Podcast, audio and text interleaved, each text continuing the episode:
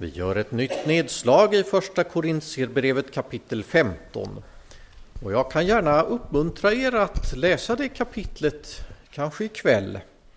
Eller så, Första Korintierbrevet 15 är en mycket bra och utförlig beskrivning av vad Jesu uppståndelse betyder för oss idag. Den här gången ska vi läsa verserna 3 till 8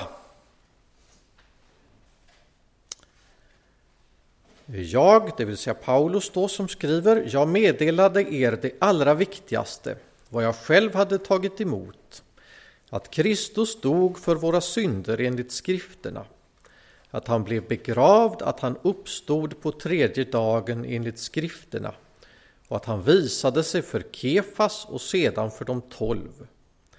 Därefter visade han sig för mer än 500 bröder på en gång av vilka de flesta ännu lever, medan några är insomnade. Sedan visade han sig för Jakob och därefter för alla apostlarna. Allra sist visade han sig också för mig. Så lyder Herrens ord.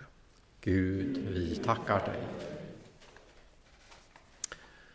Vi såg i den förra texten hur Jesu uppståndelse förändrar vår verklighet, förutsättningarna för vårt mänskliga liv. Att vi slipper att ligga i graven för alltid utan får tro att våra kroppar ska bli levande på samma sätt som Jesu kropp vid hans återkomst. Men det förutsätter ju att Jesus verkligen har uppstått. Kan man verkligen tro på det? Att Jesus skulle ha uppstått och blivit levande, är inte det mer någon sorts saga som man kan ha för att trösta sig och uppmuntra sig lite så här på vårkanten? Kan döda överhuvudtaget uppstå? Ja, om döda inte kan uppstå så kan ju inte Jesus ha uppstått. Det är många som argumenterar på det sättet.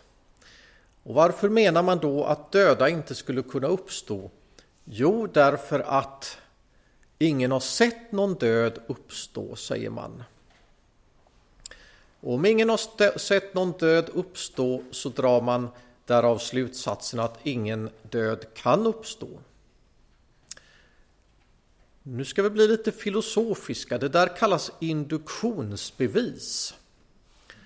Man gör många observationer och så drar man en generell slutsats utifrån det enskilda. För att förklara induktionsbevis brukar man ofta prata om svanar. Man går och kollar på alla svanar och ser man att de är vita och så drar man slutsatsen att alla svanar är vita. Man kanske ser 99 svanar så drar man slutsatsen alla svanar måste vara vita. Men kan man verkligen veta det? Nej, Filosofiskt sett är induktionsbevis inte giltiga.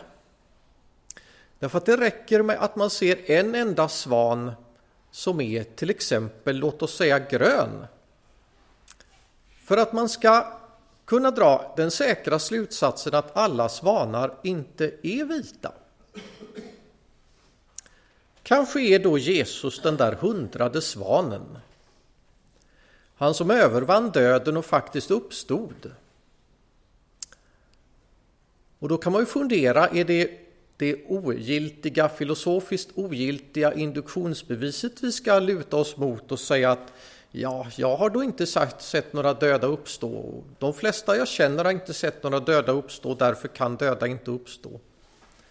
Eller ska vi lita till de vittnesbörd som vi precis läste om, alla de över 500 personer som såg Jesus uppstånden, som bröt mot regeln och gjorde så att inte bara han uppstod utan vi alla kan få uppstå som han.